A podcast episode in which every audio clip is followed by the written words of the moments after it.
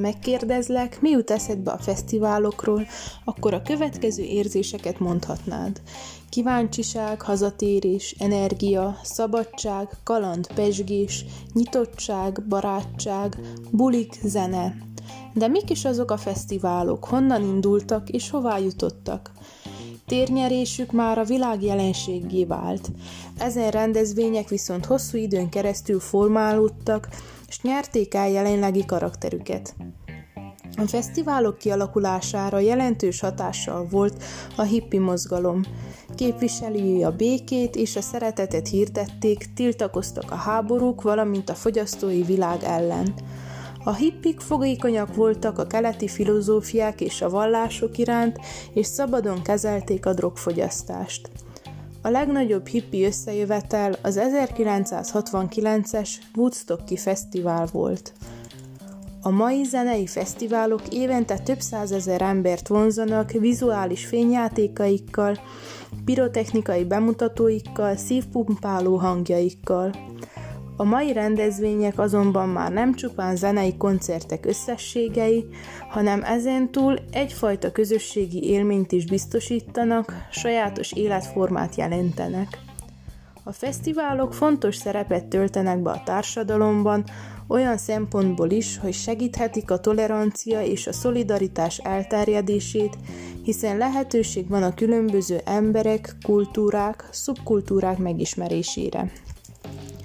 A fesztiválok jól szimbolizálják a kultúra mai állását.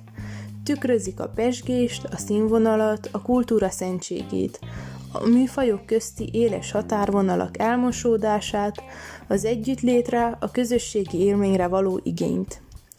Zenehallgatás közben érzékelt hangmagasságok kombinációja az a fizikai inger, amelyet az agy értelmez, amint az a hallórendszer megkapja.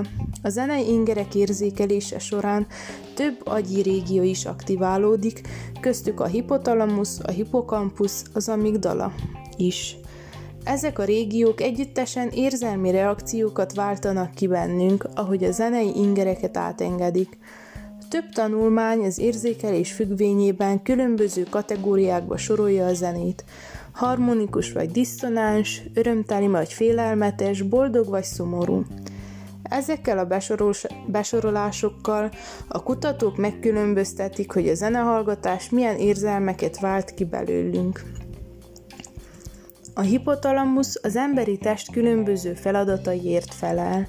Olyan szomatikus testi funkciókat irányít, mint a pulzusszám, a vérnyomás szabályozása, a neuro- neurotranszmitterek felszabadulása. Ezek specializált kémiai hírvívő molekulák, mint például az oxitocin, amit boldogsághormonként ismerünk.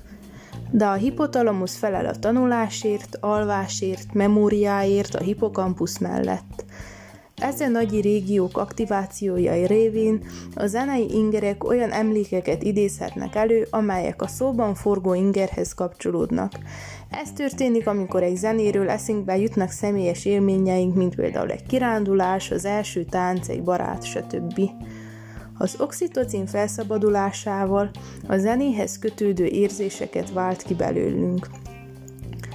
Az amigdala aktiválásával egyidejűleg fokozott, vagy csökkent testi reakciót válthatnak ki a különböző zenestílusok, azáltal, hogy ezen agyi régiók megváltoztatják a félelemválasz küszöb értékét a vérnyomás és a pulzusszám megváltoztatása mellett.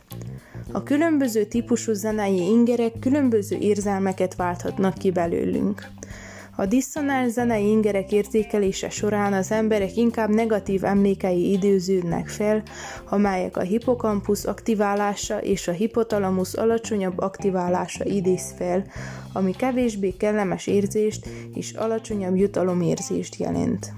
A harmonikus zene édes és kellemes hangjának érzékelése esetén az egyének pozitív és boldog érzésekről számolnak be, valamint a pozitív emlékek újrahívásáról és a másokkal való kötődés magasabb fokairól.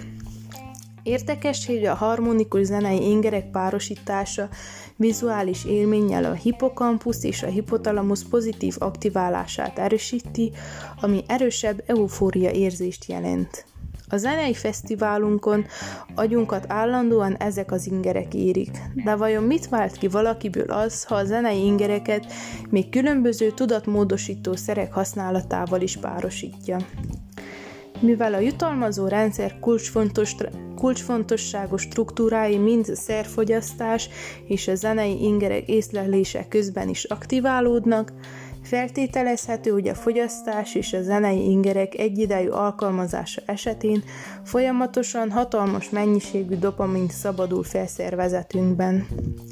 Mind a különböző tudatmódosító szerek, mind a különböző zenei ingerek más és más érzelmi reakciókat váltanak ki belőlünk.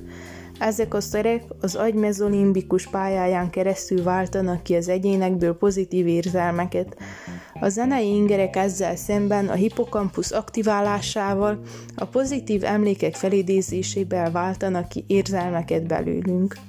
Az oxitocin fokozott felszabadulását eredményezi a zenei ingerek és a tudatmódosító szerek kombinált használata, melyek megerősítik bennünk a másokhoz való kötődés érzését, többet mosolygunk, barátságosabbá válunk.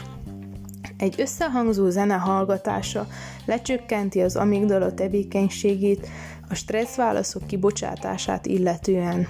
Ahogyan a zenei ingerek és különböző szerek együttes használata fokozza a pozitív élményt, úgy egy diszonáns zene közben fokozza a negatív élményt is.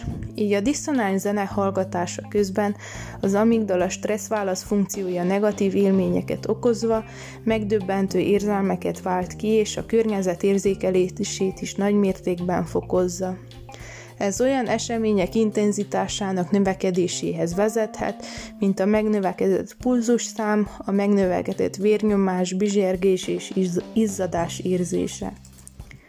Végezetül egy pár tapasztalatot osztok meg veletek fesztiválozóktól. Azért fogyasztok pszichoaktív drogokat, mert egy új dimenziót nyitnak meg előttem. Jobban tudok kapcsolódni a belső énemmel és kreativitásommal, és teljesen új szintre tudom emelni a performanszaimat a használata segítségével. A halucinogén gombák segítettek nekem lehámozni a félreértést, hogy mi az élet a társadalom szerint. A média negatívan mutatja be az embereket, és ahogyan bánnak egymással – a gombák segítettek nekem teljesen látni az embereket, és feltétel nélkül szeretni őket.